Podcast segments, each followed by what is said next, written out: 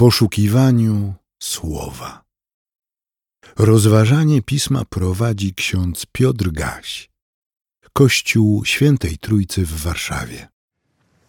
Chwała Bogu na wysokościach, a na ziemi pokój ludziom, w których ma upodobanie. Amen. Kościół wyznaczył do czytania i rozważania słowo ze Starego Testamentu w tym dniu. Jest ono zapisane w drugim rozdziale Księgi Wyjścia od pierwszego wersetu. Pewien człowiek z rodu Lewiego pojął za żonę kobietę z rodu Lewiego. Kobieta zaszła w ciążę i urodziła syna, a widząc, że jest piękny, ukrywała go przez trzy miesiące. Nie mogła jednak ukrywać go dłużej. Wzięła więc koszyk z papirusu, pokryła go żywicą i smołą, włożyła do niego dziecko i położyła w sitowiu na brzegu Nilu. A jego siostra stanęła z daleka, aby zobaczyć, co się z nim stanie. Wtedy córka faraona zeszła na brzeg Nilu, aby się kąpać, a jej służące przechadzały się nad brzegiem Nilu. I zobaczyła koszyk wśród sitowia. Posłała więc służące, aby go przyniosła. Kiedy go otworzyła, zobaczyła dziecko. Był to płaczący chłopiec. Zlitowała się nad nim i powiedziała: To jest dziecko hebrajskie. Wówczas jego siostra zwróciła się do córki faraona: Czy mam pójść i zawołać ci jakąś hebrajską kobietę karmiącą, aby wykarmiła ci to dziecko? Córka faraona odpowiedziała: Idź. Dziewczyna poszła więc i przywołała matkę dziecka. A córka faraona nakazała: Weź to dziecko ze sobą i wykarm mi je, a ja ci zapłacę. Kobieta wzięła więc dziecko i je wykarmiła. A gdy chłopiec podrósł, przyprowadziła go do córki faraona i był dla niej jak syn. Nadała mu imię Mojżesz, mówiąc: Ponieważ wydałam go z wody. Boże łaskawy, prosimy Cię o Twoje błogosławieństwo dla naszego rozmyślania. Prowadź nas w duchu Twoim dla chwały Twojej i naszego zbawienia. Amen.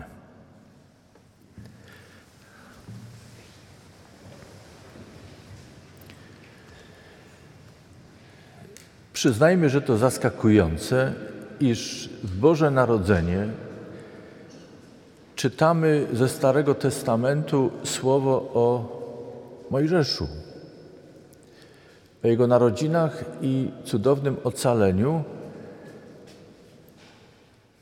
I ten tekst Kościół wyznaczył do rozważania w tę niedzielę jako obowiązujący nas wszystkich. Rozważamy w takim razie. Przypomnijmy sobie, proszę, że Egipt, który w tamtym czasie był postrzegany jako królestwo, imperium uciskające Hebrajczyków, tenże Egipt stał się swego czasu miejscem ratunku dla Hebrajczyków. Bóg użył tego narodu, Egipcjan, by ocalić Hebrajczyków. Pamiętamy również, że stało się to za sprawą potomka Abrahama, Józefa, który znienawidzony przez swoich rodzonych braci, Hebrajczyków, znalazł się poprzez transakcje niewolnikami i poprzez niezwykłe historie, które działy się już w Egipcie na dworze faraona. A wyróżniony za swoje zasługi Józef stał się zarządcą dóbr faraona. Kiedy przyszedł głód, Hebrajczycy szukali także pomocy żywnościowej w Egipcie. Spichlerzu, powiedzielibyśmy. Ale Egipt był w tym czasie spichlerzem tylko dlatego, że mądrze zarządzał dobrami, gospodarką, powiedzielibyśmy, rolną Egiptu Józef, potomek Abrahama. Zachęcam Was w wolnej chwili do prześledzenia tej historii, dramatycznej i ciekawej i ważnej, bo historia Abrahama, Izaaka, Jakuba, potem jego synów, wśród nich Józefa, ilustruje dokładnie to, o czym wczoraj na nabożeństwie wigilijnym starałem się Wam powiedzieć. Mianowicie Boża rzeczywistość i nasza rzeczywistość to nie są dwie równoległe rzeczywistości, które dzieją się obok siebie. To dwie rzeczywistości, które się przecinają, przenikają. My nie jesteśmy w stanie przeniknąć Bożego świata, ale Boży świat przenika nas, nasz świat. Co więcej, Boże władanie i panowanie obejmuje cały nasz świat. Jedna z pieśni, którą znajdziemy w naszym śpiewniku, lubię, ja często do niej wracam w moim, w moim rozmyślaniu, mówi, głosi: Czyżbym nie miał śpiewać Bogu, ani Jemu wdzięcznym być? A potem w tej pieśni pojawia się ciekawa obrazowa myśl, metafora, która głosi, że Boże działanie przenika naszą rzeczywistość niczym złota nić. Przypomnę, że w symbolice Starego i Nowego Testamentu złoto oznaczało coś nieprzemijającego, nieniszczejącego, wieczność. Boża rzeczywistość przenika naszą rzeczywistość, przecina ją. Bóg staje w swojej mocy i w swoim władaniu na naszej drodze. Tak było w życiu Abrahama, Izaaka, Jakuba. Tak stało się w życiu Józefa. Ale wiemy również, że człowiek, skoro Bóg przychodzi do niego, w jakiś sposób reaguje na to, co Bóg czyni. Nie widząc Boga, nie znając Boga, człowiek reaguje na to, co dzieje się wokół niego. Nie tylko wierzący odnoszą się do Bożego działania i Bożej obecności w tym świecie. My wszyscy to czynimy. Jeśli przyjmiemy, że Bóg obejmuje wszystko, ogarnia wszystko, rządzi wszystkim, to wszyscy jesteśmy pod Bożym władaniem i reagujemy w taki czy inny sposób na to, co Bóg czyni. Czynimy to niejednokrotnie nieświadomie. Trzeba dodać również, że także my, ludzie, żyjąc z innymi, obok innych, dla innych albo przeciwko innym, też stajemy komuś na drodze, tak jak oni nam. Józef znalazł się w Egipcie, bo jego bracia, rodzeni bracia, stanęli na jego drodze w sposób agresywny, niegodziwy. Józef dzięki Bożemu prowadzeniu i Bożemu zrządzeniu miał w pewnym momencie rodzonych braci, którzy go skrzywdzili w swoim ręku. I musiał zdecydować, co z nimi zrobić. Przedtem oni władali nad nim. Bóg sprawił, że jego bracia znaleźli się w jego ręku.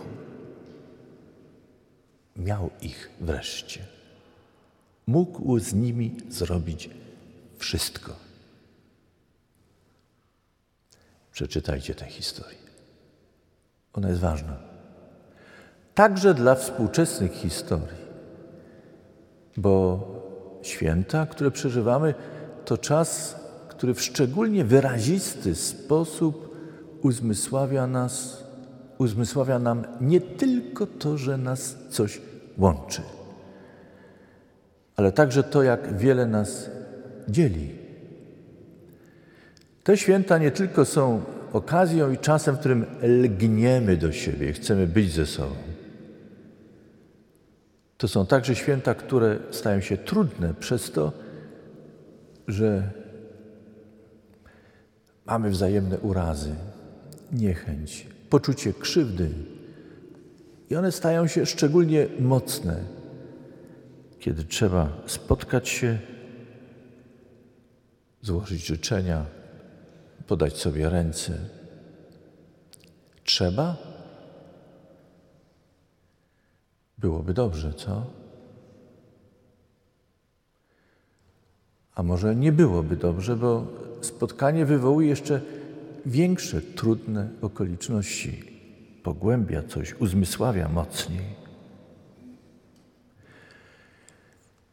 Józef wybaczył. Nie było to dla niego łatwe. Wybaczył, ale też widział, jak bracia zmienili się, jak wiele zrozumieli. Moi kochani, dzieje się potem wiele, ale znowuż przychodzi inny władca w Egipcie, nowy faraon. I dostrzega zagrożenie ze strony potomków Abrahama, Izaaka, Jakuba, potomków Józefa, zarządcy dobrami poprzedniego faraona. Wydaje okrutne polecenie, każe zabić każdego narodzonego chłopca, pozostawić tylko dziewczynki. I tutaj dochodzimy do historii, którą dziś czytamy. Człowiek z rodu Lewiego i jego żona pochodząca również z rodu Lewiego mieli kochanego synka, który się narodził. Matka nie chciała go oddać, by zginął. Postanowiła go ukrywać, jak słyszeliśmy. I znowu Bóg ingeruje, Bóg działa. I robi to w sposób nadzwyczajny, ponieważ pojawia się w pobliżu córka faraona. Zbieg okoliczności, przypadek. Z późniejszych tekstów wiemy, że to nie był przypadek. To dziecko stało się przywódcą, prorokiem, posłańcem Pana, który ratuje lud i po ponad 400 latach wyprowadza Hebrajczyków z niewoli, z Egiptu, z państwa, imperium, które było przyjazne, przychylne dla Hebrajczyków, uczyniło wiele dobra ludowi Bożemu. Potem zmieniło się wskutek takich, a nie innych myśli, działań, fobii, które pojawiły się w głowie wodza, przywódcy. Siostry i bracia, dlaczego Kościół nam każe wrócić do tej historii? Mojżesz w historii ludu Bożego był postrzegany jako przywódca, wódz, prorok, ratujący. Kiedy sięgniemy do Nowego Testamentu, do opisu sceny przemienienia na górze Tabor, widzimy tam już nie dzieciątko Jezus, ale dorosłego mężczyznę, Jezusa z Nazaretu, który zabrał ze sobą trzech uczniów, Piotra, Jakuba i Jana, i tam zmienia się. Uczniowie widzą go jako postać jasną, odzianego w białe szaty, przypominające jasne światło, a obok niego stoją dwie sztandarowe postaci tekstów Starego Pierwszego Przymierza. Są to Eliasz i, uwaga, Mojżesz. Ciekawe, że Jezus nie stoi obok Mojżesza. Nie stoi obok Eliasza. To oni, zarówno Mojżesz, jak i Eliasz, stoją obok Jezusa. On jest w środku. A oni rozmawiają z nim, jakby byli jego sługami i posłańcami. I druga scena, którą opisuje ewangelista Jan, w nawiązaniu do znanych tekstów Starego Testamentu. Kiedy Jezus przez uczonych w piśmie i faryzeuszy jest ostro krytykowany i odrzucany, Pan Jezus mówi do nich, powołujących się na Abrahama, zanim Abraham był, ja jestem. Nie mówi byłem, używa określenia ja jestem.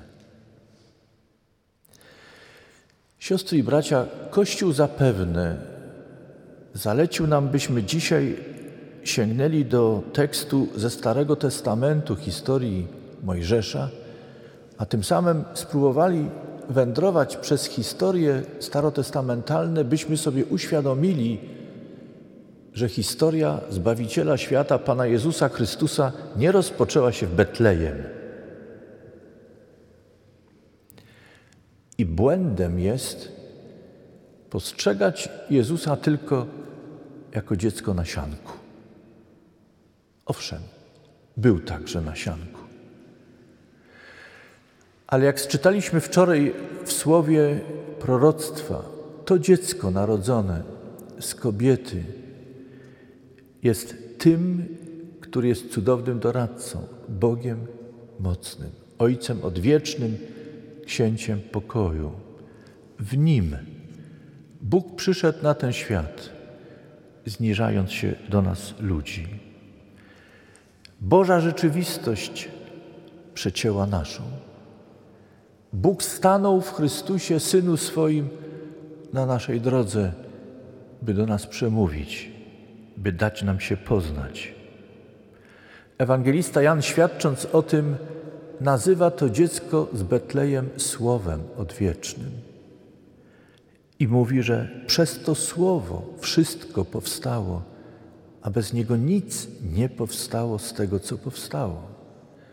To słowo ciałem się stało i zamieszkało wśród nas. Można by zawołać: Ludzie, któż to pojmie? O czym mówią do nas te teksty? Mówią o Bogu, odwiecznym, który jest początkiem wszystkiego. Jest zachowawcą nas wszystkich. Jego obecność ten, który mówi o sobie jestem, nie ma początku i nie ma końca. Jest. Ten Bóg przenika nasz świat. My jesteśmy z perspektywy świata krótkim epizodem. Daj Boże, byśmy wszyscy żyli nie tylko 95 lat, ale 100 i więcej w zdrowiu w siłach ale nawet najdłuższe życie ludzkie, także Abraham, także Izak, także Jakub, także Mojżesz i wszyscy, którzy po nas przyjdą, są epizodem w historii tego świata. Ale chcianym epizodem, który Bóg sprawia. Bóg chce naszego istnienia. Po co? Wszystko może bez nas. Po co Bogu moje i Twoje życie? Odpowiedź jest zawsze ta sama, niezmienna, o której sam Bóg mówi. Bóg jest miłością. Miłość chce być dla. Miłość chce być z. Miłość, choć sama w sobie jest doskonała, chce usługiwać, chce obejmować, chce przenikać.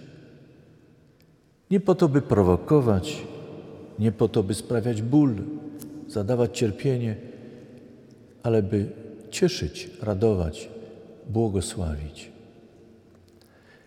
Siostry i bracia, krzyż przypomina nam o tych dwóch rzeczywistościach. Bóg stąpił do nas, przyszedł do nas, ten, który jest początkiem wszystkiego i początkiem naszym. Przyszedł do nas, stanął na naszej drodze, byśmy doświadczyli Jego bliskości w Chrystusie. Nie możemy Go oglądać tak, jak chcielibyśmy, ale On nas widzi i On stanął w Chrystusie, w człowieku na naszej drodze. Przemówił do nas tak, jak mógł najlepiej w ludzkim ciele. Ciekawe pytanie ostatnio usłyszałem, czy Boże Narodzenie to właściwe określenie dla święta, które obchodzimy. Skoro Bóg jest wieczny i nie ma początku, czy możemy mówić o Bożym Narodzeniu? Przecież narodziny to początek. Słuszne pytanie. Trafna obserwacja. Ale to, co wydaje się paradoksem, jest jak najbardziej słuszne.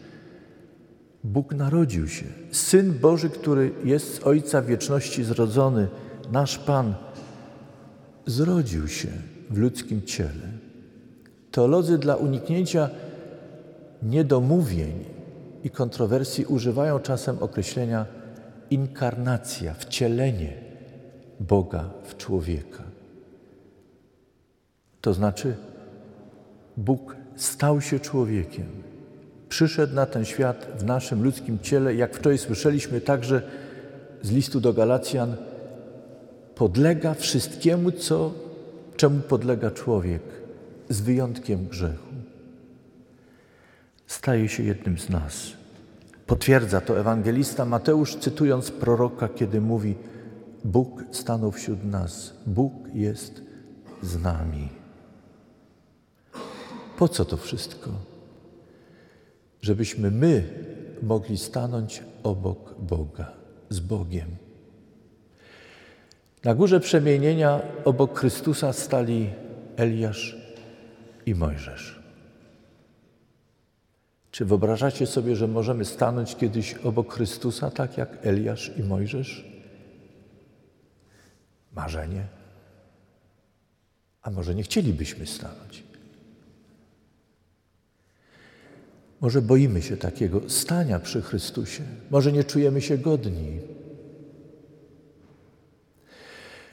A może wydaje nam się to tylko jak piękna baźń, która nie ma nic wspólnego z rzeczywistością, w której żyjemy. Myśląc o gwałcie, o przemocy, o wojnie, myśląc o współczesnym konflikcie w gazie, w Ziemi Świętej. Nie potrafiąc odpowiedzieć sobie na wiele pytań, mamy wrażenie, że żyjemy w dwóch równoległych rzeczywistościach tej naszej trudnej, okrutnej, nieznośnej, którą Bóg się w ogóle nie interesuje. Jest gdzieś, jeżeli jest, w świecie równoległym, obok świata, obok nas. Nie, siostry i bracia. Wiem, że trudno czasem w to uwierzyć. Tak jak trudno było Hebrajczykom wierzyć przez 400 lat, że Bóg o nich pamięta i się nimi interesuje. Wiem, że trudno w to uwierzyć, kiedy myślimy o innym okresie historycznym opisanym już w Nowym Testamencie, kiedy Izrael czekał na Mesjasza pod okupacją rzymską i kiedy wydawało im się, że wreszcie go widzą, ten Mesjasz, który przyszedł, był inny, nietypowy. Nie nienawidził Rzymian. Nie przeklinał Egiptu. Nie przeklinał tych, którzy krzywdzili, ale mówił w sposób przedziwny o wybaczeniu, o ratowaniu, o miłości. Zamiast szanować kult w świątyni, który był sprawowany, zachowywał się jakby był panem świątyni. krytykował formalizm, bezduszność i mówił, że miłość jest ważniejsza od kultu, ważniejsza od formalizmu świątynnego. Dziwny Mesjasz. Jak wiemy, ostatecznie go odrzucono. Nie wszyscy, ale wielu. Kończę.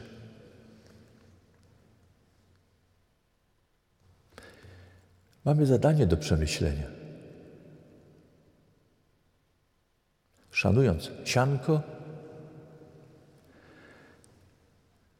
szanując wiele pięknych, kolorowych tradycji, na które czekamy cały rok, mamy do przemyślenia to, o czym mówią natchnione teksty. I zapraszam Was, siostry i bracia, byśmy wykorzystali ten czas oderwania się od naszych codziennych obowiązków, nie uciekali od nich, nie zapominali o nich, ale prosili Boga, by w złożonym czasie, w czasie zamętu, który znowu przeżywamy w tym świecie, dał nam nasz Pan mądrość obdarował nas swoim światłem, byśmy ufając, wierząc, że Bóg nie zapomniał o świecie, krzycząc czasem z bólu wewnętrznie rozdarci, żebyśmy nie zapominali, że Bóg jest z nami. Dał temu znak przez Chrystusa. I przed sobą nie mamy niepewnej przyszłości ale mamy coś, co jest pewne, niezmienne.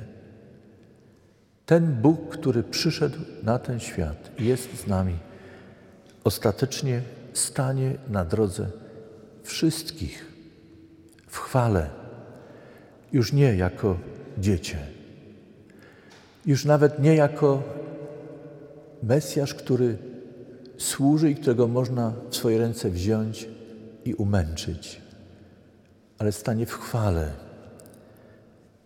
Nie po to, by nas zgnieść, ale by nas ocalić. Nikt nie musi ginąć. Nikt nie musi być potępiony. Każdy może być zbawiony, jeśli pozwoli się wziąć w ramiona Panu Panów, Królowi Królów, który chce ocalenia każdego. Tyrani niech się nawrócą. Dyktatorzy niech przejrzą na oczy. My nie wiem, czy jesteśmy dyktatorami i tyranami w domu, w rodzinie, w środowisku. Przejrzyjmy i uwierzmy w Pana naszego Jezusa Chrystusa. Prawdziwa światłość niech oświeci każdą i każdego z nas. Życzę Wam zdrowych, błogosławionych, spokojnych świąt, pełnych dobrych przemyśleń i refleksji na niełatwe tematy zadane nam nie przeze mnie, przez Najwyższego Boga łaskawego. Amen. Przyjmijcie życzenie pokoju.